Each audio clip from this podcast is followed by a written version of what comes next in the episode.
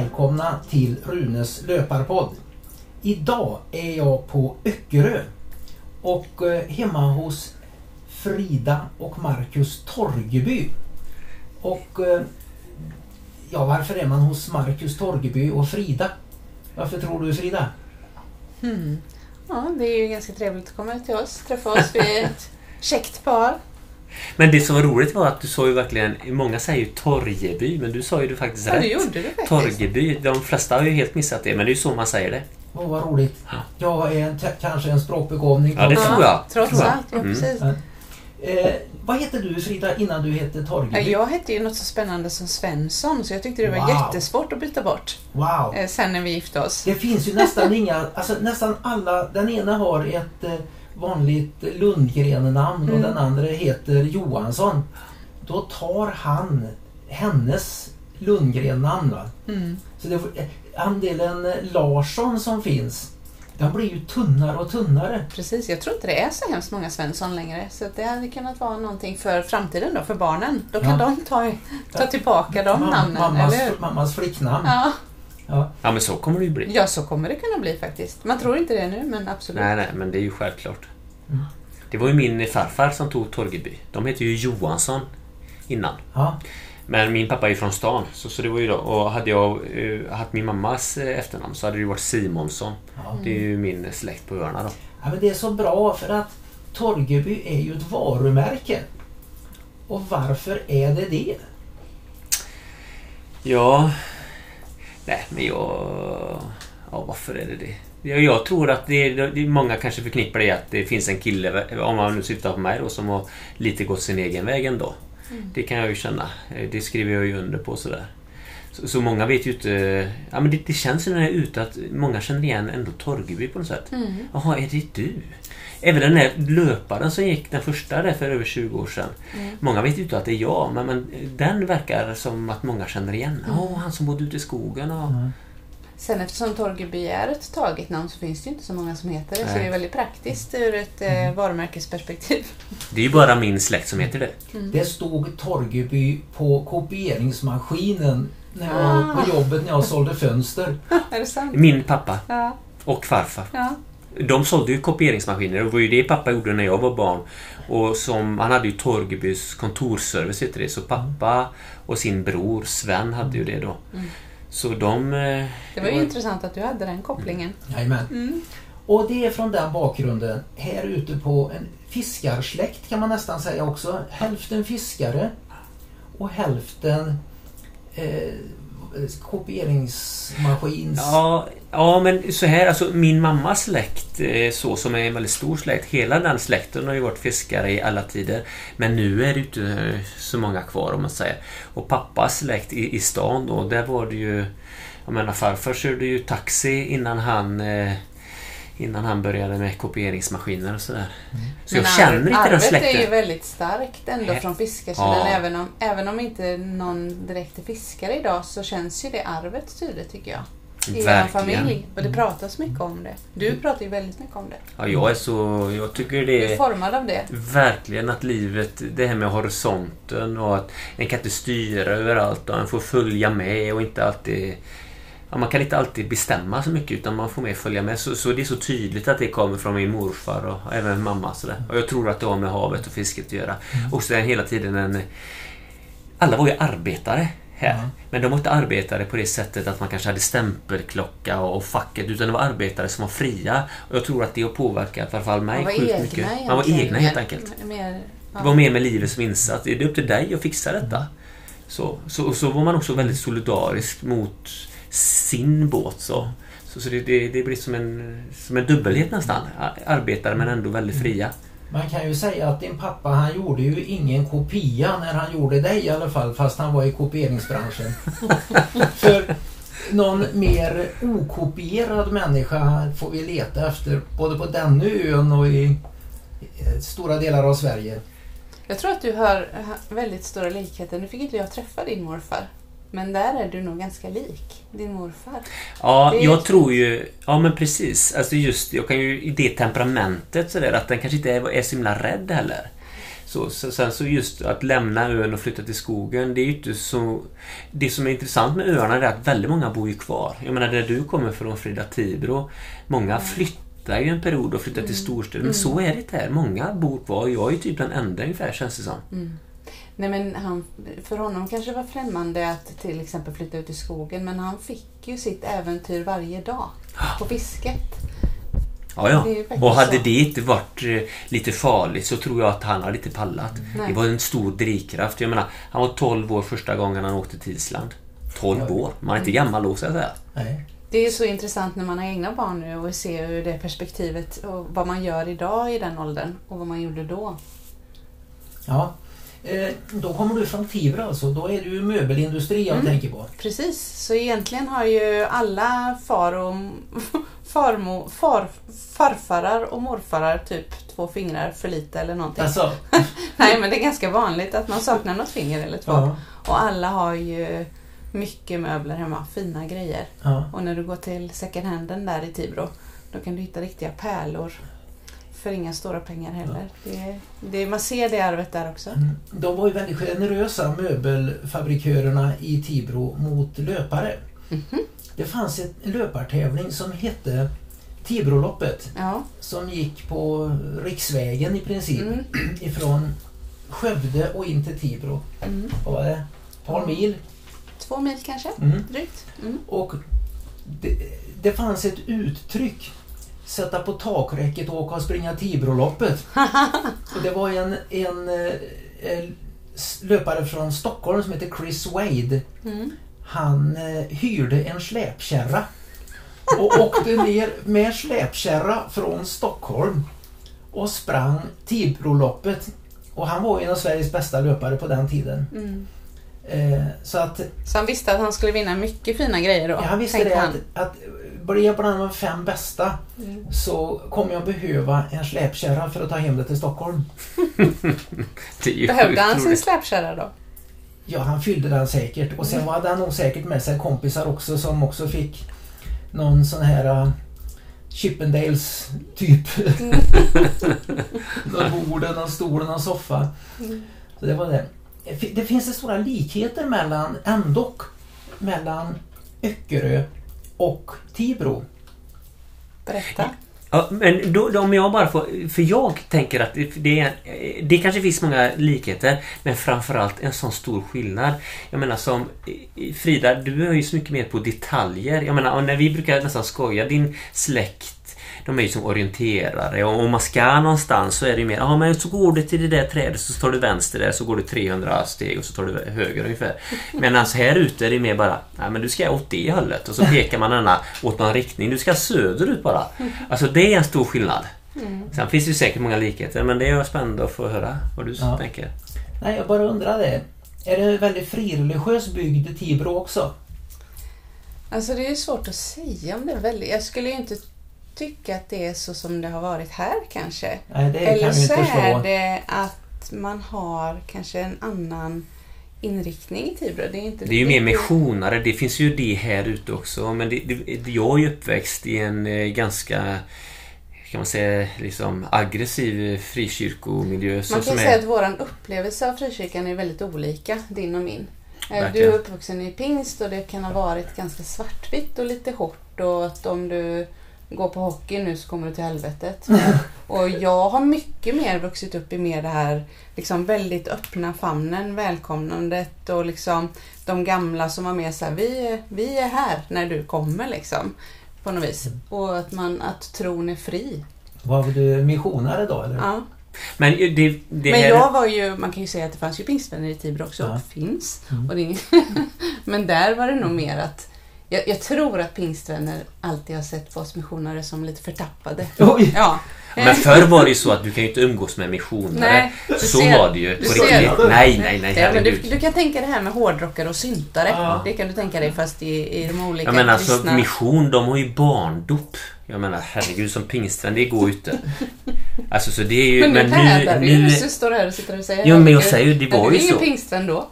Nej, men det som är grejen är ju att jag, nu när jag är äldre så förstår jag ju var detta kom ifrån. Jag menar, och, vi har ju så mycket också att tacka pingströrelsen och frikyrkan, Lewi Petrus och nykterhetsrörelsen. Jag menar Sverige var ju ändå typ Europas fattigaste land 1910. Och man Och man höll på att supa ihjäl sig. Ja. Ja. Och, och då kanske argumentet får vara så här att ja men super du, då kommer du till helvetet. Det var det språket man behövde ha. Men sen många år senare så kanske det språket inte riktigt funkar lika bra. Nej, då, Men- men- hade men- den, fun- då hade den en funktion som Mm. faktiskt var positiv. Och i, kanske när du växte upp så funkar ju inte det riktigt för Nej. världen såg ju inte ut så då. Men det här som står i Bibeln att om du gör den synden så straffar det dig in till fjärde led. Och det, det är ju intressant. Om du börjar supa så blir din familj så oharmonisk så att risken är att dina barn också blir straffade med brist på harmoni och självmedicinering med diverse kemikalier. Och deras barn och deras barn kanske i fyra led. Så det, det kan ju stämma. Och kanske på samma sätt som nåd då går igen i fyra led lika väl. För att får du en, en trygg och fin uppväxt så ger du det tillbaka och så fortsätter det i fyra led eller Ja. fler. Nej men absolut. Men vi, vi, det kan jag se som skillnad att i Missionskyrkan pratade man inte väldigt mycket, man pratade inte så mycket om synden. På samma sätt som jag tänker att när jag fostrar barnen eller vi, så att prata om det som man tycker är bra eller det som är positivt eller vad vill du istället för att prata om det dåliga som kanske någon gör eller någonting som man inte vill eller så utan man pratar om den positiva sidan. Jag, Ja. jag tänker det känner jag går igen i Nej men där är jag... Vi eh, var nog mer rädda för att göra fel. Mm. eh, Så.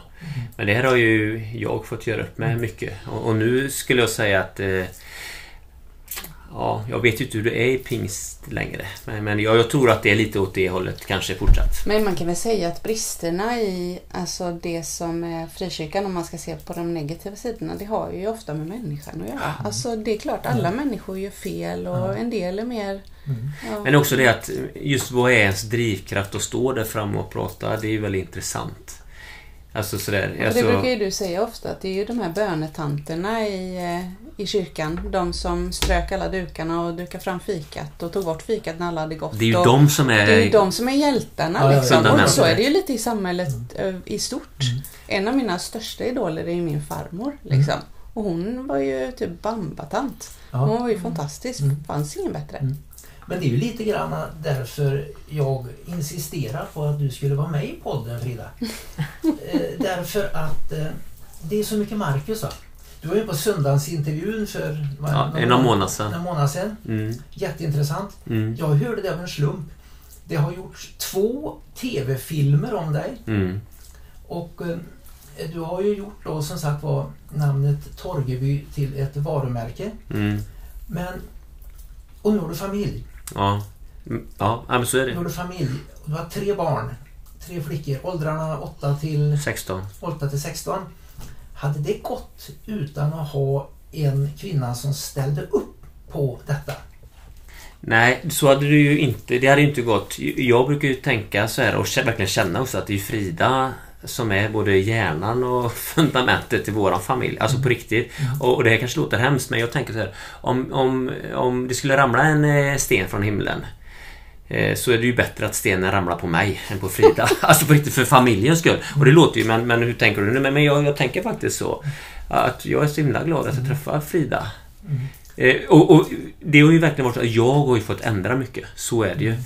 Eh, och, och utan Fridas på något vis... Eh, är hon, har ju sån, hon är så tydlig i, i sig själv liksom. I, och, och det, så jag, ja, mm, så är det. Men just detta att ställa upp på det. Ni har ju två boenden kan man säga. Mm. Nu är vi på Öckerö Mm. och det är ju där du kommer ifrån Marcus.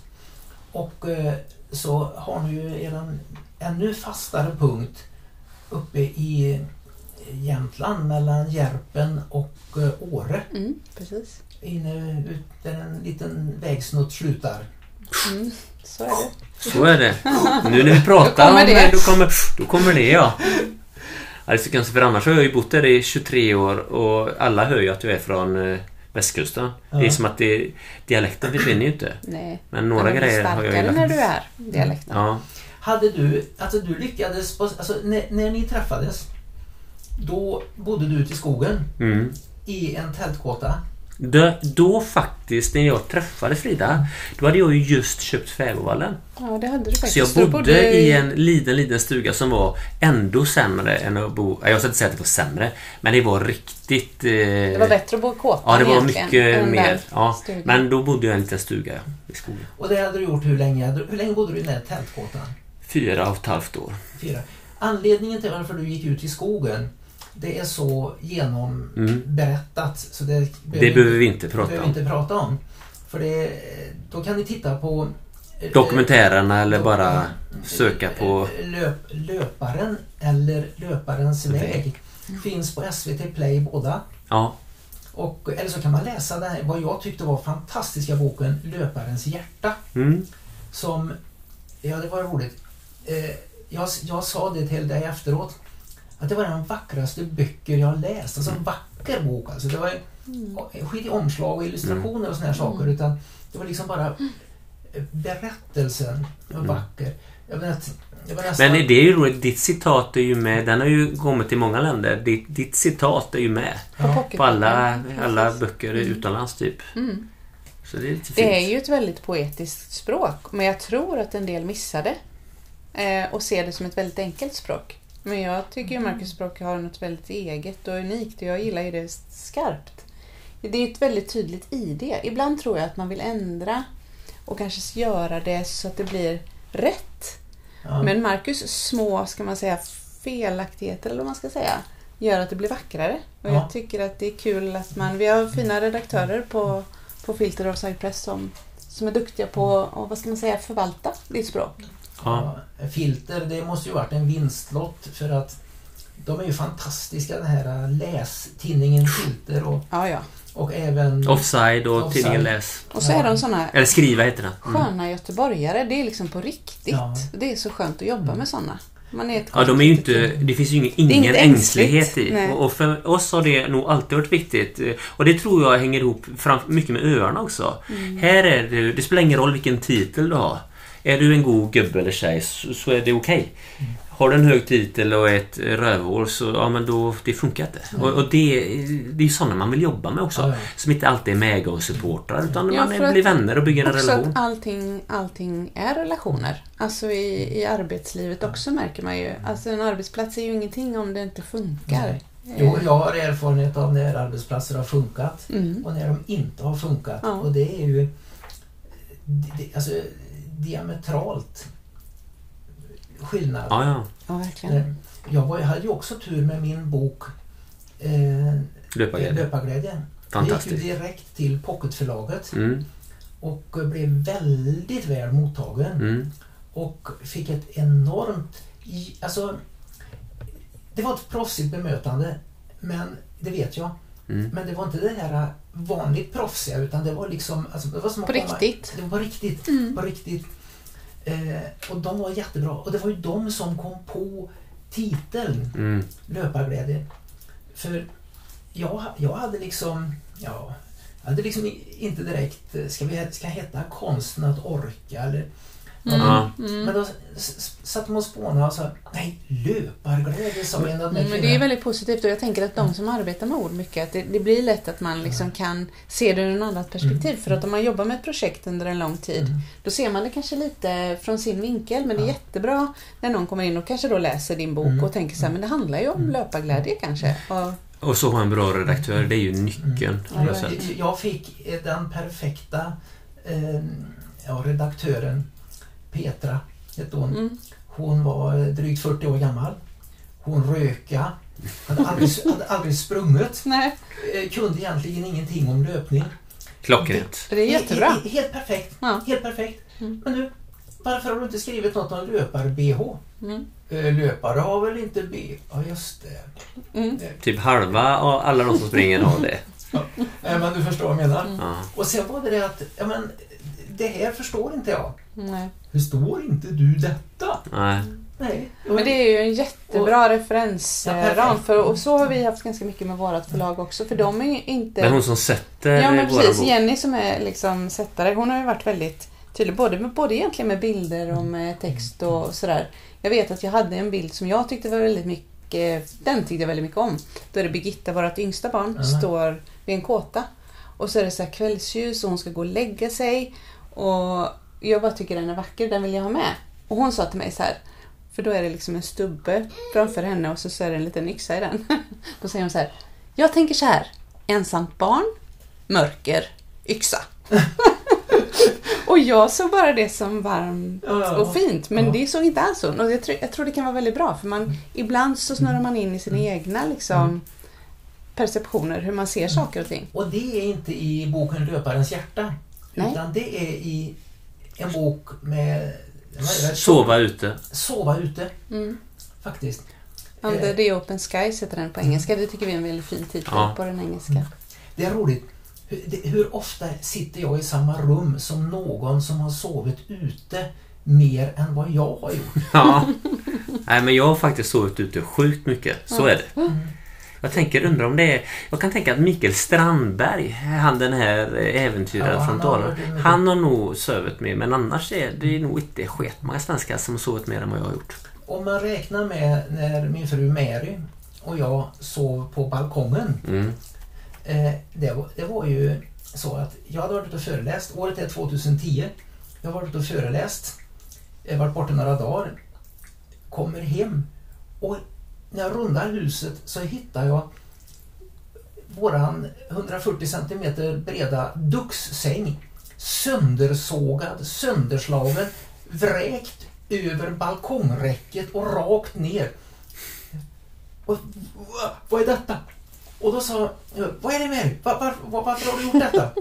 jo, sängen är trasig. Ja, men den var inte så jättetrasig. Om man böjde bort några fjädrar så här som stack upp eh, på, på höften och sånt, eh, så blev det i och för sig ett litet hål där. Mm. Men det går ju faktiskt att sova i den. Men då sa hon det, om inte jag slänger ut sängen köper vi ju ingen ny. Nej. Och, och, Väldigt och, klok kvinna. det var klok kvinna. Ja. Ja. Och då var det så här.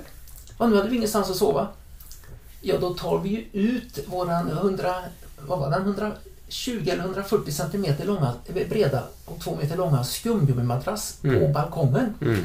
Och balkongen var liksom indragen i Mm. husgaveln Ja, så taket gick över. Och sen vette den ut mot en outvecklad skogspark i Trollhättan. Mm. Ja, sover vi här då. Tar ett duntäcke, kuddar. Och, ja, det var ju, men vi, vi var ju veteraner och sov ute. För po, mina, våra pojkar och jag, vi sov ju på balkongen en två, tre, fyra nätter i veckan när de var små. Det började ju med att Zacharias, den yngste, han ville tälta i trädgården. Mm. Nej, det gör vi inte. Jo, men det tyckte han. Nej, då föreslog han vi kan sova på balkongen istället. Och då gjorde vi det, han och jag. Sen skulle Mary åka och springa Spartathlon i Grekland. Mm. Och eh, då var hon borta. Sa till Isak, ja du får sova ensam i din säng eller så får du sova med Zacharias och mig på balkongen. Motvilligt gick han ut. Sen ville han inte heller sova. Och Mary sa det till pojkarna. Ja, om ni inte plockar upp efter er nu så får ni inte sova på balkongen i natt. Ja, det är bra. Ja, vi hade ju, Signe, vår Signe. äldsta, hon sov ju ett par månader ute i tält med dig Marcus. När Ja. hon var kanske Ja, tre, var typ- fyra. Då fick hon liksom smak på det och då ville hon inte sova inne sen. Nu men har sen de har ju inte ju- varit inne i det, så, men vi tänker att ändå på något sätt, det här med att lägga grunden i barn. I perioder har vi ju sovit ganska mycket just så på, just på utsidan, bara på altanen och så. För det är ju helt klockrent. Vi pratar ju ofta om det, om låga trösklar ut. Att man inte gör det så svårt. Nej. För det är ju nyckeln. Om man tror att man måste gå tre månader med packning eh, aslångt med tre barn, då kommer man ju inte göra det. Nej. Det är inte det som är grejen. Nej. Men sen var det roligt för att den första nattfrosten kom ju när Zacharias och jag sov ute i september. Och det gick ju fint. Och sen blev det ju höst. Och det regnade. Men det regnade inte in på oss. Nej. För det var ju skyddat från Ja, ja. syd- sydvästvinden som var den dominerande vindriktningen. Sen var det ju höga tallar och skog. Ut som att vinden blåste liksom inte in. Och sen 16 minus var det kallaste pojkarna jag sov ute i. Ja, men sen så blev det ju så att eh, ja, sen började vi ja, de började sova inne då igen. Eh, och det var rätt roligt faktiskt. Eh, men sen när Mary och jag började sova ute 2010 då eh, vad var det? Alltså, det blev ju kallt. Mm. Det var kalla nätter. Vi såg på vintern också. 2013, då hade vi minus, vi hade ter- termometer där på balkongen. Då var det minus 23 och vi sov ute. Det är gött. Det är helt fantastiskt. Balaklaver hade man då för att vanlig mössa där man vrir sig sånt. Ja, den ramlar av. Raggsockar. Så hade vi faktiskt dubbla duntäcken. Ja. Och Marys problem, jag frågade henne varför kan vi inte sova på balkongen nu? Hon säger att nej, jag svettas så när jag sover på balkongen. Det trycker igång i kroppen. Det är precis, det drar igång va. Och här är- Men så skulle jag säga att efter första året uh, ute på våren där När det var ner till minus eh, 12-15 då söv jag med en sommarsovsäck Och så sovsäcken upp till naveln bara och så hade jag en tunn ulltröja. Det var så tryck i Mm, Du blev kroppen. invand på det. Var, alltså, alltså, ja. Så, så en vänjer sig ju verkligen. Men jag tycker en annan sak man tänker på när man sover ute. Vi gjorde ju det ganska mycket när barnen var små. Att vi växelsov ute så att man fick en natt med djup Ja, sömn. de var lite krångliga med sömnen helt enkelt. Ja, våra barn har inte sovit jättebra. Och det är ju ingen, ingen särskilt bra idé att båda föräldrarna är vakna hela tiden och Nej. bara går på varandra istället sen. Så, så vi brukade växeldra där Varannan natt ute. Och då vet jag att när man har sovit dåligt och så, så får man en riktigt djup natts sömn och ligger länge ute. Då är det som att nästan att första andetaget man vaknar nästan gör ont i bröstet. För det är att man inte har vidgat den på så många. För man har liksom andats på ett annat mjukare sätt. Liksom. Ja. Det tycker jag är häftigt. Mm. Det där att det bara... Ja, vi hade ju plommonträd utanför på den tiden. Där i februari, mars, då tutade talgoxarna i det Mm. så fort det började bli ljust. Mm. Alltså, Ja, det är svårare att sova ute då. När det blir mycket Ja men jag gillar den känslan när det börjar trycka på. Jag tyckte, det, det, jag tyckte det var Det var, ju, det var ju underbart. Men då sover du ändå under duk. För jag tänker sådär när man sover ute helt öppet och man får ljuset rakt Ja, du är mer känslig Jag har svårt att sova vidare helt enkelt. Ja men ljuset tänkte du? Både ljus och ljud. Ja. Mm. Mm. I hemvärnet som jag nu är med, där har vi en fantastisk grej som vi kallar för puppan. Det är som du tänker dig, ja, man, det är som man ligger som i en puppa. Mm. Ensamma vargen kallar en del den för. Den har som en sån här eh, en huva Mm. som man kan Mm. spänna upp med Mm, slaner. Så lägger man i, i liggunderlaget och så kan man lägga sina kläder och sånt uppe över, runt huvudet och använda kläder som huvudkudde. Och det, det är, jag har inte sovit mer än tror jag, en natt inne i tält när vi varit ute med hemvärnet. Jag tar den här puppan och lägger mig där ute. Men är den helt tät då? Då är den tät mot himlen eller andas den något? För ibland kan jag känna om, om det blir lite för täta material så är det som att är du ute för lång tid så känns det som det blir så fuktigt. Men den, den kanske inte är, funkar så riktigt. Eh, Den är... Nej, jag, jag har aldrig upplevt det. Nej. En gång var vi på den här Sågebackens skjutfält norr om Uddevalla. Mm. Och eh, då var det en storm som hade ett namn. När en storm har ett namn, det var ju klass någonting varning på de tiden. Mm. Nu heter de ju gul och röd och Mm. allt vad det är. Eh, Då tittade jag mig omkring, de andra låg i ett tält. Jag tittade mig omkring. Kan något trä falla på mig? Nej. Då la jag mig med huvudet mot vinden Mm. och där sov jag underbart. Alltså bara känslan av att Ja, ja. stormen sveper över mossen och rätt in bland tallarna där. Och där ligger jag och sover. Det är gött. Ja, det är gott. Nej, men jag tycker ju, eftersom vi ändå ska sova. Det gör vi ju, alla människor gör ju det typ varje dag. Om man... Eh, ja, de flesta gör ju det. Och, och då kan jag tycka som att det är lika bra om man försöker lära sig någonting. Och jag tror ju att vi gör det när vi ligger där och ute och man bara... På något sätt så är det som kroppen den samlar på sig alla ljuden och... Jag vet inte, jag tycker det är härligt. Mygg, knott. Ja men jag har aldrig haft... I, i kåtan var det aldrig något problem för jag stängde alltid dörren och så luktade det lite eld där inne. Och då var det som att de aldrig... Det var aldrig något problem. Eh, Så. Är det så att vi sover mer öppet nu, då får man ju ha ett myggnät för så är det ju. Det är det värsta jag vet. Du vet när ögonlocken är helt svullna när man vaknar. Det, nej. Så, så, eh, jag, jag tror att många... Man, det handlar ju lite om att ha rätt grejer helt enkelt. Du behöver inte ha dyra grejer, men rätt grejer. Ja. Så. Ja, vid viss tid på året måste man ju ha myggnät. Jag skulle säga den bästa tiden tycker jag är från slutet av augusti och så över hela vintern och fram till juni innan myggen kommer. Den tycker jag är skönast Ja. att sova ute. När det är varmt och det, det tycker jag är mycket värre. Tycker jag. Ja, bar, barmark. Jag har ju varit ute mycket i skogen och gått och så att barmark i mars. Frost, barmark i mars Mm. och april. Mm. Eh, det, det är den bästa tiden Ja. för mig att vara Mm. ute. Också, Mm. det, det har blivit väldigt lite nu på senare år Ja. faktiskt. Jag har ju den här tanken att, jag har sagt det med er flera gånger, jag skulle vilja ta tältet och några böcker och pannlampa och extra batteri Mm. och gå ut i skogen och bara vara i ett par dagar. Mm. Bara gå ut över en natt, det blir inte samma sak. Nej. Och bara läsa böcker, elda. Mm. Och det gör man ju en eldstad utanför där. Samla på sig lite ved. Mm. Eh, och och så, sitta där och laga mat över elden. Och så, sen gå in och lägger sig och läser och så kanske en somnar och man struntar i vad klockan är. Ja. Nu ska jag väl inte sova? Jo, kan du mycket väl sova nu. Kom in i lugnet. Ja, lite så. Ja, ja, så kan det ju vara. Vi, just nu för mig och Frida så är ju livet ganska intensivt ju. Mm. Både med, och vi vet ju att det är ju som en, en period. Mm. Eh, Så, och jag tror att vi klarar det ganska bra eftersom eh, vårt liv där uppe är gan- ganska lugnt sådär.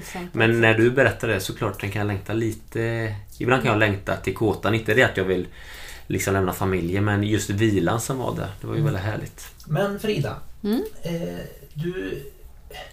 Vad jag har förstått så har du ju ett väldigt kvalificerat jobb. Mm. Är du... Och berätta vad är det du gör? Jag jobbar ju som designer inom bilindustrin eh, och jag gör färg. Så jag är ju, man ska säga, expert på, på, på lack och färg för bilar. Och det kan ju låta ganska tråkigt men det är ju väldigt kul. Alltså färg är ju något av det roligaste jag vet. Och jag har ju jobbat jättemycket med fotografi. Jag är intresserad av ljus och då tycker jag att det är lite samma sak. Så färg, fotografi, ljus, det är lite samma grej. Och det är någonting som jag tror att jag är ganska bra på. Någonting som jag inte har sett tidigare som en, kan man säga, en kompetens eller så. För att det är ju mitt sätt att se bara. Men Det är ju så enkelt för dig. Det är så enkelt för mig men då tänker jag att jag märker att ju mer yrkesverksam jag är så är det inte lika enkelt för alla helt enkelt. Ja. Men eh, handlar det, det är inte bara om att få rätt kulör utan det handlar också om att få den där lacken, det färgen att sitta på plåten. Ja men det är ju ett jättestort, alltså det är ju en väldigt kemisk process och det är väldigt mycket hårda tester. En bil ska ju tåla så sjukt mycket så det finns ju inte många produkter rent generellt som vi testar så mycket som bilar.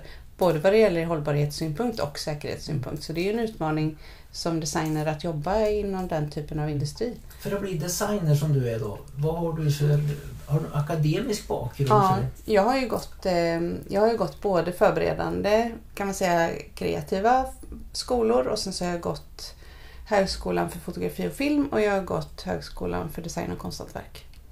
Men jag- du, du måste ju kunna mycket om färgens kemiska egenskaper. Det är Ja. inte bara det att du hittar på en kulör. Oh, den här kulören blir fin på en Volvo. Nej, det är inte så att man tar en, en ral och bestämmer en färg och sen så målar man i den. Utan det är ju väldigt mycket, en, en bil har ju ofta en effektfärg för man vill ju också att formen på bilen, den som har formgett bilen vill ju gärna att linjen syns. Och då vill man ha färg som bygger form och ofta använder man aluminium. Ibland använder man något som heter mica, ceramic. Det är sådana olika effektpigment som man stoppar i färg då. Men det jobbar jag ju tillsammans med leverantörer, sådana premiumleverantörer med. Och det har ju de svart bälte i. Och sen så lär man ju sig jättemycket själv då under tiden. Alltså, Men du har ju gjort det här nu, hur många år är det? Så alla Volvo-bilar, alla Polestar är ju Fridas färger. Mm. Alla de som är snygga kan man säga. Det finns några, helt ärligt, som är kan fula som är gamla som inte är kvar. Men nu är det jag som säger det Frida, Ja. det är inte du som säger det. Så du behöver Nej, inte känna vilken tur att det jobbigt. var du som sa det. va- varför, varför blev alla Volvo V70 nå- mörkblå? Det är för att eh, på den tiden kanske det var fler som ville ha tjänstebil som var med och bestämde. För att tjänstebilsfarbröderna kanske ville ha blått. Mm. Jag ska ta och göra en liten grej här. Jag har fått ett surr. Nej, Men det kanske är den. Mm. Ja, Det var ett kylskåp är våra surrade. kylskåp och ibland så kanske det är så att det hörs ett litet barn här. Ja. Då är det så. Det är barn, barn. Barn det, får höra. Det, Nej, det, så är det. är inget, Nej. inget problem. Så vi får bara prata över det surret. Mm. Jag inverterar det gamla amerikanska uttrycket barn ska synas men inte höras. Nej, precis. Barn får gärna synas och höras. Ja. Jag gör frilansande dagisfröken. Ja. Det kan jag ju säga, vi har ju sjukt mycket barn. Ena syrran har ju tio barn och den andra har ju ja. sex barn. Och Mm. vi har tre, så de tycker vi är råklena typ. Mm, tre, de har ju knappt börjat. Nej, och sen brorsan. Så det är ju bara på Öckerö är det ju 22 kusiner från min släkt bara. Mm. Så, Ja, så det är ju roligt. lite... Om vi ska ha ett födelsedagsfika, vad är man då? 35 som pers. närmsta, Då är det bara närmsta mina familjen är 35 då liksom. Ja, det är häftigt. Men när du har det här jobbet, Mm. ett kvalificerat jobb som eh, antar att du får hänga i med naglarna för i den enormt eh, konkurrensutsatta branschen du är i. Hur Ja, jag tycker, på du- det sättet känner jag inte att jag får hålla för jag tycker att det är nog inte så många som kan just det jag kan. Så det är lite Ja, men det är lättare att jag det skryter. Det smidigt finns ju på riktigt finns det typ tre pers i hela Europa. Jag menar, du är ju den grymmaste, så är det ju. Punkt slut. Ja, nu säger jag det, för så är det. Och då, så, Man så kan det säga så här, jag har haft ganska lätt att få den typen av jobb och jag tycker det är ganska roligt. Men det är en utmaning att, att, att jobba i en sån bransch för det är ganska eh, det är ganska hårda arbetsdagar ibland. Alltså det, det krävs ganska mycket av dig. Ja. Och sen så är det att det kanske inte bara är... Det är inte svenskt management direkt. Nej, nej, så är det ju lite grann. Men då, då är en fråga. Eh, uppe i där vägen slutar, Mm, uppe i snön i Jämtland. mm, det är där färgerna finns, vet du. Det är ju när man är Ah. ute och när man är... För det är ju ett kreativt jobb. Att kunna liksom ta en nyans och transformera den till någonting eller måla en tavla eller vad som helst. Jo. Så, så jag behöver det där. Jag klarar inte av att vara i det här tempot för jag behöver inte, jag behöver inte påfyllnad. Jag har det i mig. Jag behöver snarare stillhet för att få fram det. Det tänkte jag. Det är ju som Affärviken eller vad den hette. Den Ja, där, Mm, eh, Magnus. Mm, restaurangen som Ja. låg alldeles bak hörnet där ni bor. precis. Som var Sveriges eh, högst rankade Michelin-krog. Mm, Eh, det var ju för att att det fanns ju grejer att ta där. Alltså, Mm. De åkte väl ut och samlade björkskott och allt möjligt de Mm. här Ja. kockarna på morgnarna. ja, och han Mm. gjorde det utifrån som en sån stark längtan tror jag att göra. Och då, det Han hade ett tydligt varför. är väldigt tydligt varför och jag tror det är nyckeln. Men, men alltså i det jobbet, Mm. eh, jag tänkte på att du måste ju vara på... Du kan ju inte köra allt via Teams och Skype och tjong, poff, smock och det där. Nej, vad nej, det går inte. Utan jag reser ju till eh, Göteborg här då och, och arbetar en vecka effektivt i månaden. Och så reser jag ju till leverantörer och så, så att jag, jag tjänstereser en del. Men inte Men- jättemycket. Men nu, nu när det har varit covid har det ju varit väldigt eh, min, mycket mindre. Eh, så. Men, men det är klart Men att... generellt så tar du ju tåget ner till Göteborg en vecka i månaden. Mm, Och sen är du hemma och sitter ute i skogen. mm. Sovvagn. Sovvagn, ja. Precis. Visst är det fantastiskt? Ja, det är underbart. Jag brukar säga så här, att om, om man inte förväntar sig någonting, då kan man åka nattåg. Ja. För, för det är ganska skiftande eh, nivå på det. Eh, och när man kommer fram och sådär. Ja. Men du Marcus då? Eh, vad- jag menar att du ska ju bli pensionär om sådär en 20 år eller något sånt va? Ja. Eh, och jag har ju blivit pensionär nu. Mm. Och jag har ju sett eh, vad det innebär. Och det, är ju, det är ju inte direkt att man kan gå in och välja vad som helst i affärerna. Va? Och sen en otrygghet. Om jag dör, eh, vad kommer hända med, med er? Kommer hon att klara sig ekonomiskt? Men vi har faktiskt löst detta. Ja, det, alltså, sådär. Jag, först och främst kan man säga att jag har ju typ aldrig varit anställd. Jag, jag- och Marcus så. kommer liksom inte bli Jag kommer inte pensionär. det. Han kommer bara jag- fortsätta nej. som han gör nu Ja. in i evigheten. Men vi har ju, eftersom jag kan snickra, så Mm. har vi ju, vi har ju två hus på Öckerö och ett i Jämtland och jag tänker att jag kommer bygga ett par till. Det är så enkelt. det är vår bygga ett hus. pensionsförsäkring. För jag tänker ju att vi har ju inte så, så... På riktigt, om jag skulle dö imorgon Mm. så hade ju ni kunna bo i Jämtland och, och klara er väldigt bra väldigt, väldigt länge. Så vi har ett stort V-lager.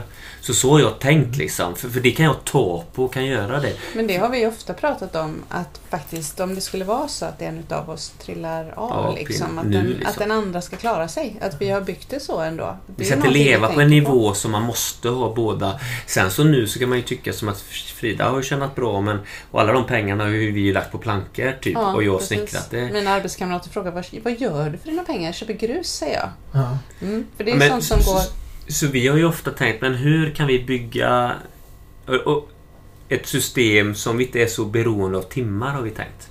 Ja. Och jag skulle nog ändå säga att eh, Ja, vi är ju inte lastgamla 45 men, på något sätt så är det ju, har vi ju, det har vi ju fått det. Man kan säga att vi har investerat mycket och inte varit så liksom... Vi köper inte Vi grejer. spenderar liksom. ju inte så mycket på det sättet men vi har byggt på andra Ni, är- ni plöjer ner eventuella pengar i byggnader. Ja, Ja, så vi, kan man väl säga. och jag ser inte det att eh, om du ger mig eh, en tomt och eh, så, så jag alltså bygga ett hus helt själv. Alltså det är jag bara, ja ja. Folk, för, för många är ju det en stor grej. Jag känner inte att det är inget problem. Om man skulle be Marcus gå och jobba på bandet ett Det år så skulle han dö. Ja, alltså skulle på han riktigt. bli tillsagd att bygga ett hus på 300 kvadrat på samma tid så skulle han göra det bara. Så det är olika. Så, så, och jag, Det är i en väldigt många, stark jo, drivkraft du Precis, har. men i många år har ju det, innan jag fattat det, jag tyckte det var så jobbigt, kan jag inte bara vara vanlig typ? Kan jag inte bara jobba och bara gå upp? Men jag får ju bli deprimerad. Tills jag insåg att ja, men jag måste göra det på ett sätt som funkar för mig. Mm. För jag har väldigt hög motivation när jag gör det jag ska göra. Mm. Och, och annars är det tyvärr sketdåligt med motivation. Och då kan du tänka i skolmiljö och allt det. Så det är därför jag har ju fått leta mig framåt. Har du fått några miljöskador av det där att du har bott i fyra och ett halvt år ute i skogen? Jag spårade en. Jag pratade om då att ja, då har vi ett rejält vedlager. Ja. Det, Nej men jag tror att på något sätt helt ärligt så vet jag att du kan leva ett väldigt rikt liv på väldigt små medel. Alltså det vet jag. Sen så vet jag också att det är svårare ibland det här. Alltså man måste ju ha mat och sådär. Men, men alltså på något sätt det är en trygghet att det inte är grejerna det sitter och Det är både jag och Frida. Det är vi extremt medvetna om och det tror jag. Jag har fått med det från mitt håll och Frida på sitt håll. Så, så, så det är nog egentligen det som jag kanske har tagit med mig mycket. Alltså många är det ju som att, jag kan ju ibland tänka när jag tänker på Sverige idag, att många människor mår dåligt och så har man allt. Då kan ju inte lösningen att vara, ha mer grejer. Det, det är ju inte där det ligger. Det måste ju ligga någon annanstans. Alltså det här med att känna liksom mening och att jag och Frida, vi är ute och springer varje morgon och jag njuter lika mycket av löpning nu som när jag sprang som fortast. Alltså det spelar liksom ingen roll. Ja, det är ju de enkla glädjerna och hitta sitt varför och hitta sin Igår mening. var- ja. Så är det Ja verkligen. men så när vi igår morse, eller vad det går, vi sprang på morgonen innan du drog till jobbet och så hoppar vi och simmar i havet. Och så tänker jag, men det här kan ju alla göra. Det blir Men vi träffar så. aldrig någon annan. Vi är typ bara vi. vi har Konstigt. haft en enorm tur brukar jag säga. Att vi har blivit placerade. Nu när vi fått ett liv var. Vi har blivit placerade precis här.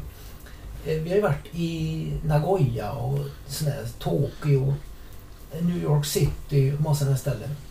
Eh, Men en, jag, jag, är, jag har i en bankdirektören Sichi Morikawa. Trea på Spartathlon 1989. Bankdirektör. Mm. Jag var hemma och hälsade på honom några Mm. år senare. Eh, han bodde, han hade ett hus på 120 kvadratmeter. Han hade så liten tomt så han kunde bara köra gräsklipparen ett eller max två varv runt huset. Hans problem var var ska jag göra av min bil?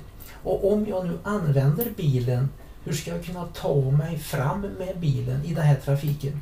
Och han älskar att fiska. Mm. Alltså att om han skulle ut och fiska till exempel på havet eller upp i bergen då fick han lämna Tokyo klockan tre på morgonen. Mm. Så han hann iväg innan trafiken drog igång. Mm. Och han kunde, fick planera så han kunde komma hem nästan mitt i natten. Också på grund av trafik. Man skulle lämna med bil. Mm. Och eh, han, han älskar ju att springa han också. Men han, han kunde inte ge sig ut i en skog och springa. Men, men så vi ju ofta tänkt jag och Frida ändå att, ja, men hur, vad vi vill, vad vill vi leva? Och sen så utifrån det så har vi ju tänkt, men hur ska vi kunna leva här och ändå försörja oss? Alltså många tänker ju precis tvärtom. Man utbildar sig och sen så söker man sig till den platsen där jobbet finns. Men vi har ju egentligen gjort tvärtom. Det är därför vi jobbar som vi gör. Vi vill bo där vi gör. Och, och 2022, vilka möjligheter det finns. Och, så Och då kan ju tro man- att, ja men vad enkelt. Det har ju inte Nej, det varit inte alls enkelt. varit enkelt. Och det är aktiva val hela tiden. Så man skulle kunna säga att det hade mest naturliga för mig hade ju varit att stiga i graderna mer. Ja. Men det jag har bett om från mina arbetsgivare som liksom payback på det jag har gjort, det är ju mer frihet. Ja. Alltså att jag vill kunna göra på mitt sätt. Och det är, Det tycker jag är en bättre investering för mig. Ja, men att ni träffades, var det träffades på ett bröllop eller en fest? Ja, dagen innan ett bröllop ja. Mm. Så jag kände ju bara direkt att det här är jag. Eh, ja, men att, då träffade du den här som du säkert har redan hört talas om. Och vi hade ju gemensamma vänner så jag visste ju Mm. vem Marcus var lite så. Men jag vet ju fördomarna mot Marcus och även de fördomar jag själv hade innan jag träffade Marcus Mm. första gången. Berätta. Det var liksom en... Ja, förmodligen rör han sig någonstans ute i autismspektrumet. Förmodligen så är han helt asocial. Eh, och eh, man märkte bara när vi var nere på löparresan där på Mm. Algarve. Det var ingen som trodde att du kunde ställa dig upp och äga scenen och föreläsa en viss historia. Nej. Utan vi, nej men, vi tar question and answers. Vi sätter dig här, så ställer vi frågor till dig och så får du liksom Mm. svara. För ingen som hade, man hade inga förväntningar på dig. Va? Men det kan ju du säga ofta Frida, att många, eh, alltså lite som nu när jag varit med en del på slutet, att Mm. många blir förvånade. Men jag, du, jag, jag, jag, tänker med, jag tänker verkligen tvärtom. För att det verkligen är så att jag tänker att många blir förvånade men jag har alltid vetat att det finns eh, att, att du är den på något vis. Och jag, allting som Mm. du företar dig blir ju verkligen det du vill ha det till. Och jag, tror jag tror att det är för att det är på riktigt allting. Och det här med att man liksom blir... Jag tror att det där att bo i skogen för Marcus var ju så tydligt ett överlevnads, en överlevnadsgrej. Det var ju inte att han ville dra sig undan egentligen för att han inte ville vara med folk så. Du är ju extremt social. Och har men jag laddar alls- genom att vara själv. Jo, det behöver du ju verkligen. Men du har ju som sagt inga problem i de, all, i de flesta sammanhang.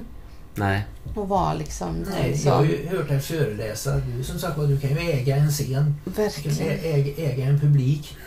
Och du har ju kommit... Men då, då är det de här fördomarna som man fortfarande kan ha. Men det var ju lite det som faktiskt helt ärligt var en stor drivkraft att jag skrev den första boken. Mm. För jag kände att jag, jag var ju med i Peters dokumentär Löparen som jag tyckte var fin men jag tror att då är det ju hans bild av mig. Men så kände jag att men det som var hela min drivkraft, att jag har gjort de här valen jag har gjort, den framgick inte riktigt. Men det är ju det det är ju ett kreativt verk. Löparen, den filmen som Peter Ja. gör, det är ju ett kreativt verk. Det är ju hans verk på ett sätt. Ja. Han porträtterar Marcus, visst, men det är ju hans ton. Och den tonen tror man då är jag. Marcus. Mm. Men han är ju super eh, eh, energisk och positiv och det är ju alltid gött och liksom Inga hela den. problem typ. Och därför blir det lite så, jag tror att människor som har sett löparen just kanske Ja. upplever det som Ja men det och- som du säger Ja. då, alltså det är den typen av fördom. Jag tycker att det är ganska roligt med den kontrasten också. Men grejen är att tyngden och allvaret är ju en viktig del och det finns. Ja, ja. Och hade inte det funnits så hade inte jag tyckt det var så roligt att leva med Marcus. För jag tycker de delarna är viktiga liksom. Men du, du måste ju ha känt att nu ger jag mig ut på ett äventyr här. Nej men det är det som är så lustigt för jag tänker inte på det så alls. Inte ens då. Nej, jag För hur många tänkte... år sedan då? Ja, 18 kanske? Mm. Jag vet att jag skrev som någon första anteckning sådär att det jag tyckte var intressant var att allting är på riktigt. Det var det, jag, det är det jag vet att jag minns. Att jag tyckte att det som var med Marcus, det var på riktigt. Ja, det är ju intressant. Och du har inte sett att det inte var det i något avseende? Nej, precis. Sen, sen är det ju liksom, jag menar en resa att liksom skaffa familj med någon som har levt själv under en så pass lång tid. Som kanske har haft också en uppväxt som är ganska olik min. Alltså där man har fått kanske mer ta sig plats och ta sig i rymd. Där jag hela tiden har fått utom att be så har ju Marcus behövt ta kanske. Mm. Så att, att vi skulle liksom slå samman våra vägar, kanske framförallt när man får barn. Det var ju liksom en, mer, en större utmaning än att leva med Marcus som, som en person. Det är ju typ inget svårt alls. Liksom. Nej. Eh, Nej, det tog ju tid för mig att bli pappa och Mm. hela de här grejerna. Jag Mm. fattar ju inte. Eller jag... Sådär. Nej, men du, och du hade ju inte heller den bilden av... Alltså, Jag hade inte förmågan skulle jag Nej. säga. Det tog ett tag. Och det är ju någonting som man kanske får... Man, som att förvärvsarbeta ungefär. Det är någonting man får lära, eller jag fick lära mig helt enkelt. Om du ska bli svetsare så får du jobba för att bli svetsare. Det var inte så det var att bli pappa. Mm. Det var inte någonting som bara kom till mig utan jag fick verkligen bara okej. Puh. Ja, och jag Och jag tror jag hade svårare än många andra för jag hade Ja. min historia, kanske. Ja. Och någon gång pratade vi så här, ja men den och den gör ju inte så eller sådär. Och då, och då tänker jag, men vilken, vilken förälder vill du vara? För så tänker jag ibland sådär. Vill vill du jämföra dig med den eller den då som inte gör det eller inte gör det? Men utan tänka att man... Vem Ja, vill, varit vem vill på det. jag vara för mina barn liksom? För våran familj?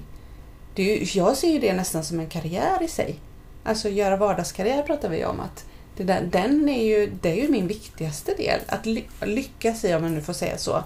Då menar inte jag att mina barn ska liksom bli elitidrottsmän eller liksom, eh, få någon Mensa-kvalitet. Alltså så här, det är inte det.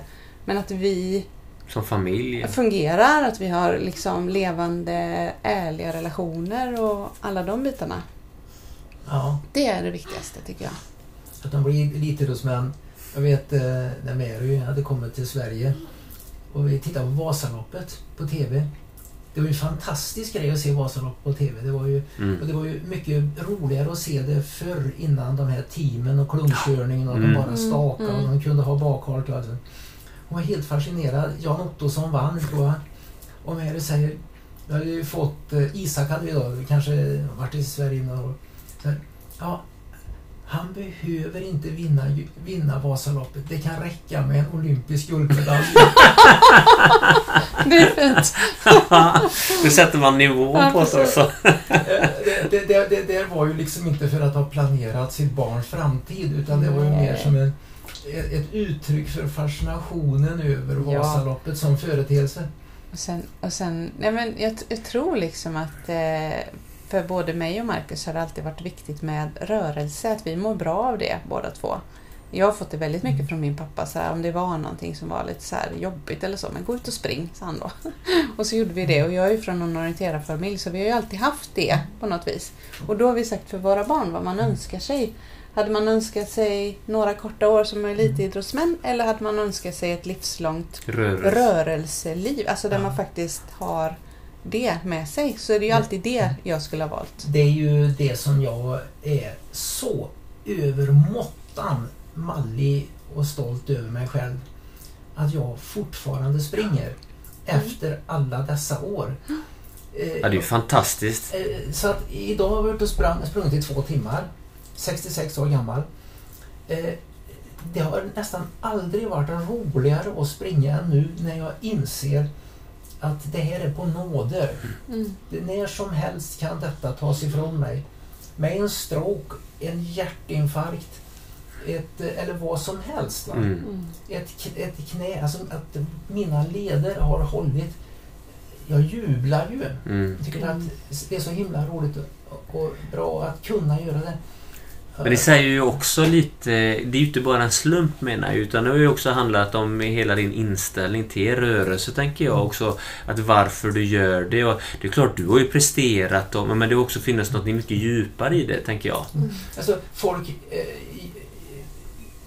om, om man får berätta någonting om min löpning så är det inte att vad jag har gjort på milen eller gjort på maraton eller mina ultralopp. Ja, möjligtvis jag kan säga om Spartathlon för det, det, är- det, det, mm. det, det är one in a kind. Det är Mm. liksom är juvelen i kronan. Men då säger jag mycket hellre att jag har sprungit sedan jag var sedan 1966. Mm. Och att jag har den drömmen nu om, om eh, till exempel att eh, jag har en jättedröm om att i höst springa ett maratonlopp. Då är det 50 år sedan mitt första maratonlopp. Mm. Leta upp Ja, ja. någon annan i Sverige som har 50 år mellan första och senaste maratonloppet. ja, det är inte många. Ja, det är inte många. Du får leta länge. Mm. Och folk frågar alltid mig så här. Har du några nya äventyr på gång? För äventyren brukar jag heller aldrig berätta om. Men de vet ju om eh, äventyren. Har du, några, har du något äventyr på gång? Ja, säger jag. Det är en vandring. Åh, åh, jag tänkte så. Mm. Undrar vad det är för en vandring då? Ja, en vandring hemifrån till lekplatsen med ett barnbarn. Mm. Nej, men det är det har, som... Vi har inga barnbarn. Men det är min drömvandring. Mm. Och det har väl kommit med åren då en sån där grej.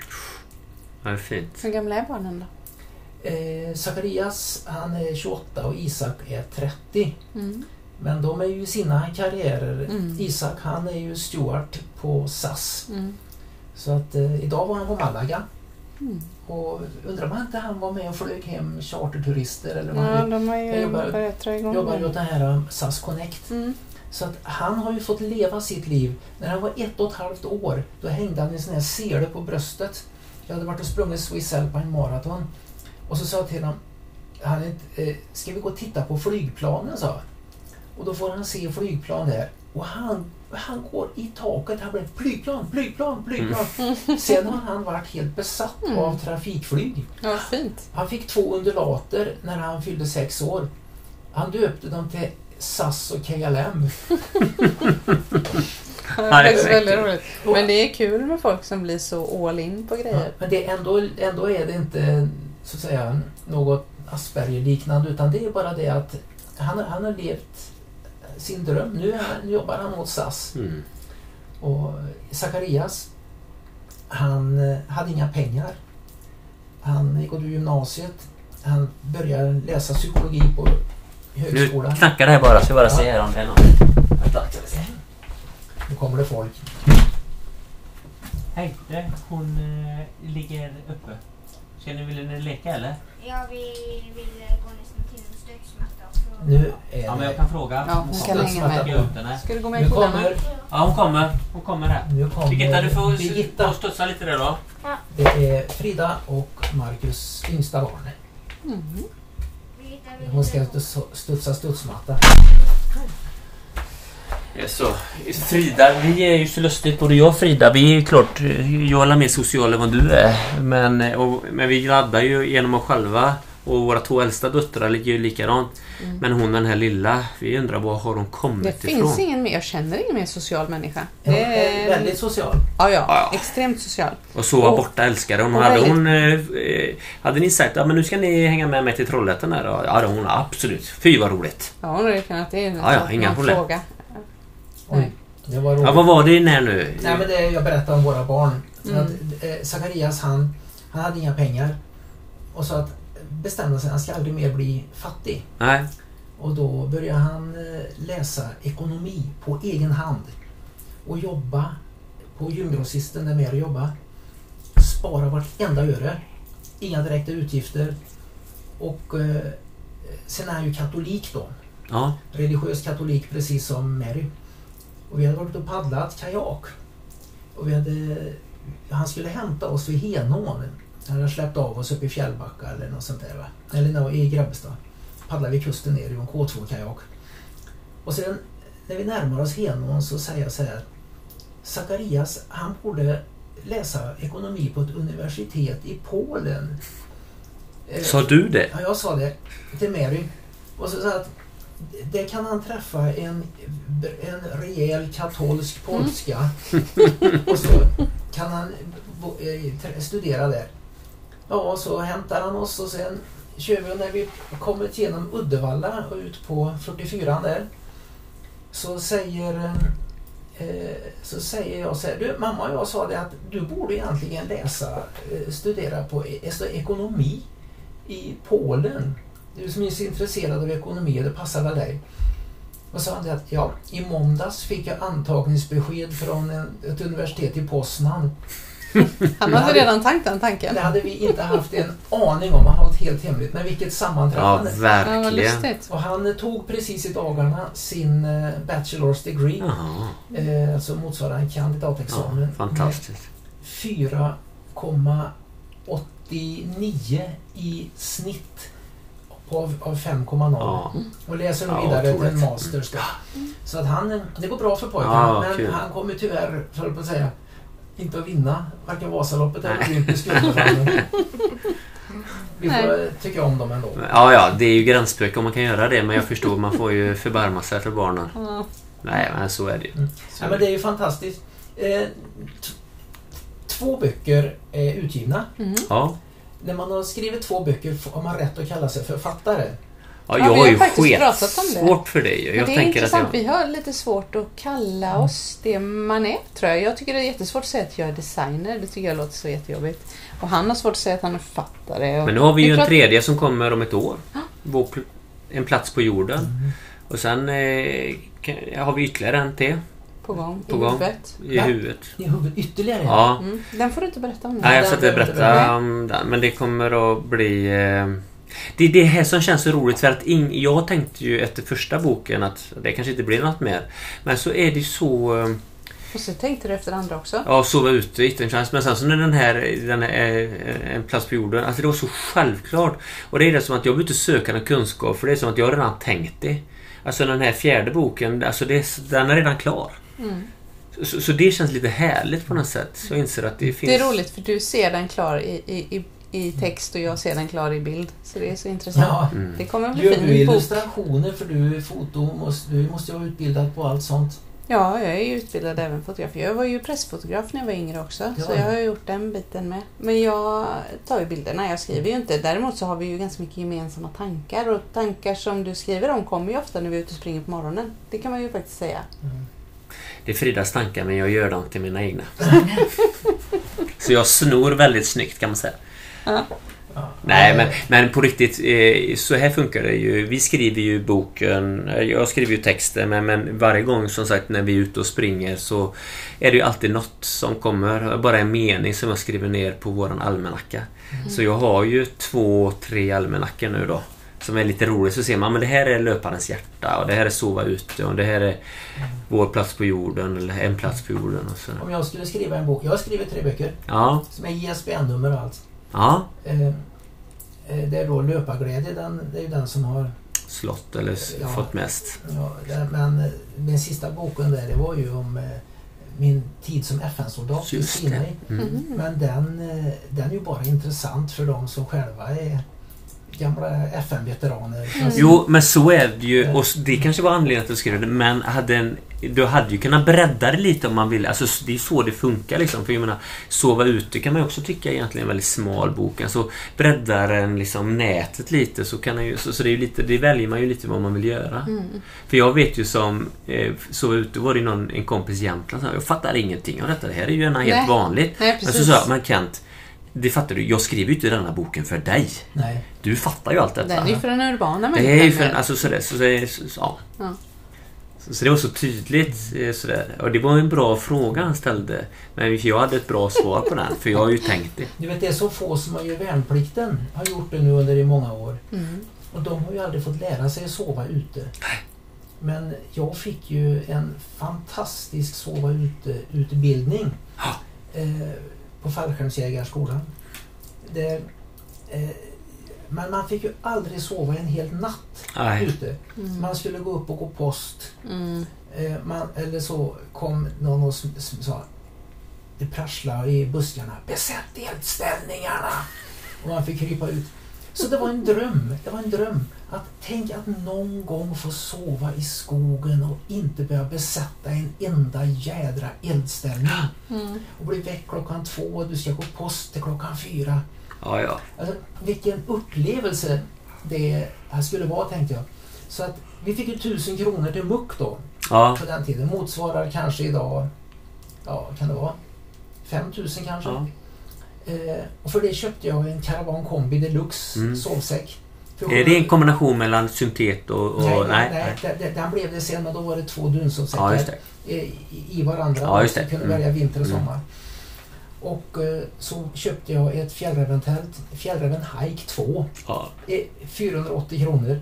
ja, du ser. Billiga grejer. Men det hä- hänger med än idag. Ja. Mm. Och sen, eh, eh, ja, det, det, det var inte märkvärdigare än så. Mm. Och sen Men, var man det, ut. ja. Men, men så skulle jag ju ändå säga att hela våran grej är ju bara att avdramatisera. Så kan jag ju känna när jag känner både dig och med det som är liksom en löpning. Att man försöker att inte krångla till det. Men det finns så mycket pengar i att krångla till saker och ting. Alltså det hade varit världens enklaste för, grej för mig att säga att Okej, ska ni sova ute? Då måste du ha den här sovsäcken. Och som en händelse kan du köpa den på min hemsida. Ja. Och alla tycker, men varför gör du inte så? Men jag vill inte. Jag tycker det är tuntigt. Och allting är byggt på det sättet. Det är så genomskinligt. Och ibland kan ibland bara känna som att man kan man inte bara få öppna upp och så får folk testa själv. Men du, eller ni ska man säga nu, har ju gett er in i konfektionsbranschen. Så är det ju. Berätta. Nej, men det var ju ändå ett... ett eh, det var ju länge sedan vi gjorde det från första början. Och hela drivkraften var ju när jag såg bilderna i Vålådalen på Gunder Hägg. Jag såg de här långa ståtliga benen och de här bomullsshortsen. och Så där. Men det där måste jag få göra för det här finns inte. Så då gjorde vi ju en liten, liten serie. Och nu är det slutsålt. Men det har ju inte tjänat ju- några pengar på det. Nej. Men vi gjorde det för det, vi ville för det var Återigen fint. gjorde man det för, för det, den saken man liksom så gärna ville åt. Det, det, det vackra i det det. och känslan i Mm. det. Men nu har vi ju faktiskt när vi börjar vi tar, tar, tar omtag och så, så har vi bestämt att göra ett fåtal produkter som vi kan ta väldigt stort ansvar för eller fullt ansvar för. Så vi håller på att göra en, en liten ulltröja i Ljungskile. Helt Underbart. fantastisk Ja. är den. Och Alltså, så- så- och, alltså, jag har använt den under hela byggprojektet. Jag kan bara säga det att jag har ju gått 450 kilometer och bärt 2,5 ton. Alltså, och då har jag haft på den tröjan hela tiden. Och jag Håller det för mig, då kommer den att hålla liksom. Hur många, hur många gram per kvadratmeter? Ja, vad var den nu? 235. Ja, så den är ju liksom så lite är lite tyngre. Det är det, det, är Ja. det det ska vara. Ja. Precis. Och det är ju såklart lite dyrare. Men jag tänker att det är liksom en grej som... Jag, jag ser inte riktigt heller den produkten på marknaden. För det kan jag tycka är lite viktigt. Att man inte bara gör en till t-shirt med eh, en stor, stor, stor Torgeby här liksom. Nej, det är jag tänker att jag har ingen, det har ingen funktion för oss och Nej. inte för någon annan heller. De här tunna eh, merinoull Ja. under tröjorna. Mm. Jag ska säga att jag är trött på dem. Jo, de går Av den sönder. anledningen att de går sönder. Jo. Men det är ju så här, och då kan jag ju tycka som eh, Icebreaker då, som de har hela kedjan och sen så ska man ändå göra så tunt för att man vill tjäna pengar. De tjänar tillräckligt mycket. Och och hade de bara höjt, de hade kunnat höja 100 gram Mm. per kvadrat. Men det är klart att det är en kostnad. Men, men, så, så men, är det ju. Ja, men vi har ju verkligen eh, valt det är bara eko, rätt gjort i Sverige. Ja, helt Jag, jag har jagat de här eh, 200 någonting gram. Mm. Och när Mary och jag var i Australien 1988, eh, 2008 då. Ta- två- ta- 2018 var det. Mm. Mm. var Australien. Eh, då hittade jag i Melbourne en eh, 230-240 gram. Och den köpte jag.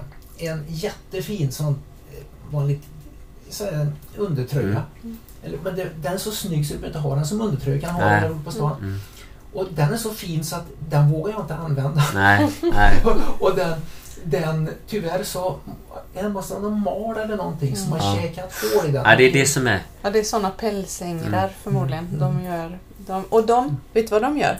De älskar ju dina älsklingskläder. Det är så intressant för de går ju inte på de här tröjorna man inte är så intresserad av. Nej. Utan det är alltid de finaste tröjorna Ja, som det- de äter på. Jag det- fattar inte hur det blir så. Elakingar. Men intressant. va- var gör ni de här då? Vi gör dem i Ljungskile. Det är ju Resteröds gamla fabrik på västkusten. Det så heter, det är så ju, det heter ju en Chiles trikå och det är lite samma sak där som vi pratade om med relationer. Lite så som vi har med förlaget. Mm. Att man har en riktigt fin relation med de här. Och det är ett ganska litet företag. Och de stickar där och de syr där och tar liksom väldigt stort ansvar för produkterna. Det tycker vi är...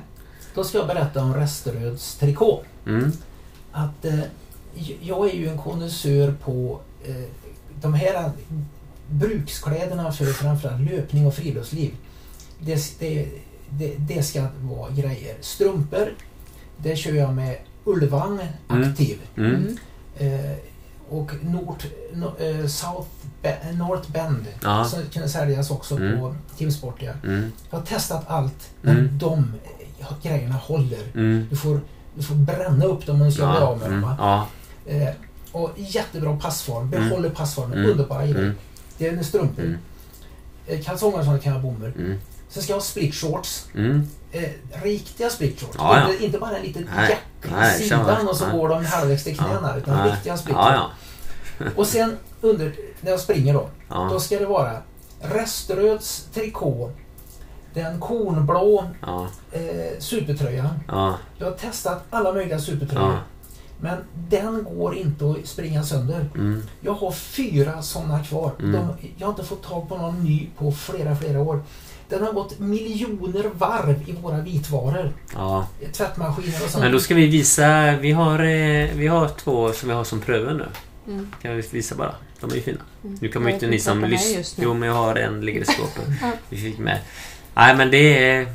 När man hittar bra grejer, då ska man... Då tuschar man på det. Mm. Men eh, ullen då, var kommer den ifrån? Ja men då är det ju så här att den är, då kan man låta, den är ekologisk och biodynamisk. Kan man tycka, men hur kan ull vara biodynamisk? Jo men det är för att fåren, de tar hänsyn till marken. Så, så det är liksom, men den är från Tyskland. Och då kan man tänka, men varför gör vi det där? Jo, för det är där de tvättar det. Så även om vi skulle ta svensk ull så skulle de ändå skicka den dit ner. För beredning. För beredning och ska och det ändå skickas tillbaka För då tar till vi ull som är mycket närmare och det är merinoull och bara 100% supergrymt. Ingen superwash, ingenting. Superwash har man ju mycket men kan man Mm. tvätta ull i 50-60 grader då har man gjort en förändring och det, så är det inte med våra utan det är... hand- Men jag eh, tvättar all ull i tvättmaskin. Mm, Och när jag handtvättar så Mm. kör jag med schampo. ja, Jag hävdar ju att ull är gjort av kollagen. Det är samma material som bygger hud. mm, Det är inte polyester. Det har ingenting med hud att Nej. göra nej, annars. Så att eh, ull, svarta ullstrumpor när jag är ute på mina äventyr. mm, mm, Därför att då lägger jag ut dem på Mm. tork och Mm. de suger upp värme ja. och torkar mycket fortare Fort, ja. Mm. än ett par vita polyesterstrumpor. Men där har ju LG Skog helt fel som pratar om att en löpare måste ha vita strumpor. Han har ju aldrig varit ute på en långtur kan jag säga. Nej, nej, det, Han har inte varit vet på en myr heller. Nej, jo, det, han, han har ju det. Så, så om han, LG lyssnar på detta så får han bara ta det. Han, man kan inte ha... Alltså ibland så är det så skillnad på det här med, med bruksgrejer och inte. Jag kan känna som att mycket av det jag använder, jag fattar ju att de flesta inte använder det som jag. Men det som jag använder så vill jag ju, jag vill ju hitta det liksom. Men de flesta Men det är gör det ju det är så från... tydligt, att du använder saker tills de är, Ja, det är helt, helt slut. helt slut. Ja, men det, det är Det är så, så det ska vara. det, som man, man ska, Ja, men det är ju det mest ekologiska du kan göra. Det är den bästa... Kär- Kärnfysik. Mm. Jag brukar använda kärnfysiken som inspiration. Jag har grejer tills halveringstiden har gått ut. Ja, Hälften av ursprungsmaterialet återstår. ja, Mm. Faktiskt. Mm. Eh, och det, det, finns ingen anledning att slänga något som... Nej. Jag har min mobiltelefon. ja, Den är ju en gammal, den är från 2010. ja. En knapptelefon. Och så är man i skolorna då så frågar ungarna eh, Varför har du den telefonen? Jag, därför att den inte har gått sönder. Och så laddar jag den varje söndag bara. Det är ju underbart. Nej men ibland, för det här har vi pratat med din farmor innan hon gick bort. Alltså det är så mycket av de här frågorna som är på tapeten idag om, om liksom att den ska, vad det heter, um, prepping och hållbarhet. Och det var, det var icke-frågor för henne. Hon bara var hundra år, klart jag checkar upp min mat och när tröjorna är slut så gör jag en trasmatta av det. Och, ja men du vet sådär. Alltså det är ju bara, det är ju det är inget konstigt för den äldre Det generationen. låg ju liksom. alltid en sax i hennes låda där saxar och pennor låg. Och den var ju liksom lagad med gaffatejp flera gånger. Men den gick ju fortfarande så hon köpte ju inte en ny sax under min livstid i alla fall för den funkade fortfarande. Och idag köper man liksom åtta saxar på Ikea för 69 Mm. kronor och så bara man jag vet inte vart de är för man har så många saxar så man vet inte var man har lagt dem typ. Jag var lite fascinerad av att du eh, använde havregryn Mm. som eh, valuta. Ja, det gjorde jag ju verkligen. Jag var ute och sprang med någon och vi frågade var går smärtgränsen för hur dyra löparskor får vara innan du slutar springa. Och då pratade vi om pengar och det var då jag skickade dig ett sms. ja, just det. Ja, skickade ett precis. sms om, eh, till eh, att eh, hur många kilo havregryn motsvarade ett par löparskor? Kommer du ihåg? 170. 170 180. kilo havregryn. Ja, 180. Och det, det, det gjorde att jag skrev ju en krönika i Runners World om det. Ja. Som heter Smärtgränsen. Ja. Hur dyr ska en tandborste vara för att du ska sluta borsta ja, tänderna? precis. Den får nog vara... Ja, men precis. Nej, men jag tror, för, för jag har ju ofta gjort så. Att jag Mm. har på något vis... Det var ju framförallt då, alltså när vi, det var, jag hade ju väldigt lite pengar. Så, så det vart ju så mycket så. Att jag var tvungen att tänka så. Men nu ska du ut och segla. Ja. Berätta, berätta. Ja men det är ju en... Eh, jag kan inte säga sketmycket men jag kommer att göra... Det handlar också om de här kläderna. Eh, det fanns ju ett, ett vadlag här ute. Alltså ett fiskarlag som min morfar och de var med som hette Manligheten. Det är så ett coolt namn. Och när jag har sett bilder på dem så, så då står de där på berget med vaden, alltså fiskeredskapet bakom sig och så har de sina ulltröjor där. Och det, och det, ja men de ger inte... De skäms inte för sig utan de är liksom stabila i sig själva på något sätt. Och då när jag bara såg den bilden så tänkte jag jag måste få göra en ulltröja som heter Manligheten. Och så hittade jag ett, en liten, liten fabrik som ligger på en ö väster om Irland. Och då tänkte jag att ja, men om jag ska göra... Väster om Ja, er. så det är krångligt. Jag får ju åka till hybriderna liksom. Yttre hybriderna ner. Så jag vet ju inte, är det här görbart? Men jag ska göra det. Menar segla härifrån? Ja, precis. Ja, så det är ju... För att hämta de här tröjorna som eh, ska göras Och där få då. bygga hela den här historien. Det är ju underbart. Ja, så just det här mönstret då som vi ska ha. Förr hade man ju mönster på tröjorna. Ifall gubben, fiskarna ramlade i och drunknade. När han flöt till land några månader senare och ansiktet var borta, typ. Så kunde man se på tröjan man kom ifrån. Det var ju så man gjorde och det finns så fint. Och där, det vill jag bygga liksom. Även om... Ja, alltså... Det är det här vi kommer ifrån. Jag kommer från detta. Det här arvet och det är bortglömt. Så därför så har jag möjlighet att göra det. Så då hoppas vi ju att det här blir både... Ska du segla ensam? Nej, men jag har en kompis som heter Viktor som ska med. För förr seglar man inte ensam. Nu kan man göra det när man har teknik. Nej. Men förr gjorde man inte det. Men så vi håller på att kolla vilken form av segelbåt vi ska ha. Jag vill ändå känna att det är på riktigt, men jag vill ändå känna att jag kommer hem. Ja. Jag vill inte att det ska vara... För, för väster om där dit och leka med... Du vet, eh, jo, alltså vad är de heter? Öarna där norr om. Alltså den strömmarna där är ju stenhårda vet du. Ja. Nej, jag Orkneyöarna. Orkney. Ner mot Skottland där. Men, men eftersom min morfar har varit där så kan jag vara där. Mm. Jag tänker att jag är van att vara i vatten men inte Ja. så på. Så det behöver jag återerövra och det är också en fin historia för mig och, och liksom eftersom jag tänker att det ligger någonstans i min kropp men vi måste återerövra det och den historien vill jag berätta liksom. För det tror jag kan hjälpa människor. Den ska du skriva en Ja. bok om. Den femte. Det är ju det vet du. Men nu ska vi inte avslöja mer. Nej. Vi har rubriken också. Ska jag säga rubriken? nu har du ju redan Ja, sagt allt annat. Rubriken blir Horisonten. Fattar ni eller? Ja. Den bilden är ju bara, det ser man ju framför sig, bara segla rätt ut. Jag eh, tillbringar ju... Jag lär vara, tillsammans med Niklas Mårdfält, de svenskar som har gått längst tid utan att se land. Ja. Jag trodde Sven Yrvind, eller Sven Lundin som hette förr, mm, han sa att han, han trodde ju... Han kände ju alla ensamseglare. mm, mm. Men han sa att jag tror ingen har varit eh, utan att land, att se land Mm. längre än vad ni har. Eh, där. Det var typ 80 dagar eller? Nej, ja, det var längre än så. Ja. Hela roddturen från Teneriffa till Barbados tog Mm. ju 95 dygn. Ett kvarts år. Och det Ja. tog ju några dagar innan vi slutade se den sista av Ja. öarna. Mm, mm, Eh, Hero eller vad det var. mm, Vid Kanarieöarna då. mm. Och sen så plötsligt då så såg vi ett litet grönt ljus Mm. en natt på Ja. horisonten. Det var Mm. det Barbados. Mm. Eh, såg vi ön nästa dag då. Ja. Och eh, ja, låt säga att vi har gått i alla fall åtminstone mer än 90 dygn, Ja. tre månader, utan att se land. Ja, Det ja, det så lång tid kommer inte det här att ta. Jag blev beroende av horisont. Mm, Jag cyklade upp på Halleberg, mm, predikstolen, Mm. tittade ut över Vänern. Jag satte skygglappar med Mm. händerna Mm. så att jag inte såg land på Mm. något ställe. Och såg när Vänern Mm. försvann bortanför horisonten. mm. Och bara stod och tänkte, Mm. jag måste ut, jag måste ut, jag Mm. måste ut och titta den. Och jag blev aldrig uttråkad. Nej. Horisonten är något Mm. fantastiskt. Ja. Ja, men det är lite det här vi längtat efter. Så, så det är väl... Men... eh, Ja, så det finns idéer. Det finns Det historier finns- att berätta. Det, det finns. Det finns idéer och det finns mycket och det är fantastiskt att ni har lyckats som ni har gjort.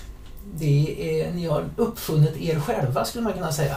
Ja, det var ju fint. Ja, Mm, jag tror att det är så. Mm. Och det har varit fantastiskt att få komma hit. kul att ni kom. Ja, Mm. tack så Mycket. jättemycket. Ja. Och sen drar ni upp till Jämtland snart. Ja, någon vecka. Det ska bli gött att få springa lite. Men jag pratade med en granne idag. Han sa att det var 8 grader. Ja, nej, det Så längtar man längtar inte riktigt efter. Men, Men det ska bli gött att få skogen och efter. att få gå ut på morgonen och få springa i Mm. ljuset över en myr med sin hustru. Det längtar jag efter. Ja. Jag väntar på att min ska få ett nytt knä. Ja, det Då kommer. blir det, då blir det löpa igen. Ja, ja. Men. Okej, det, tack så Tack så mycket. mycket. Grymt. då är det tack för denna gången Ja. från Runes löparpodd.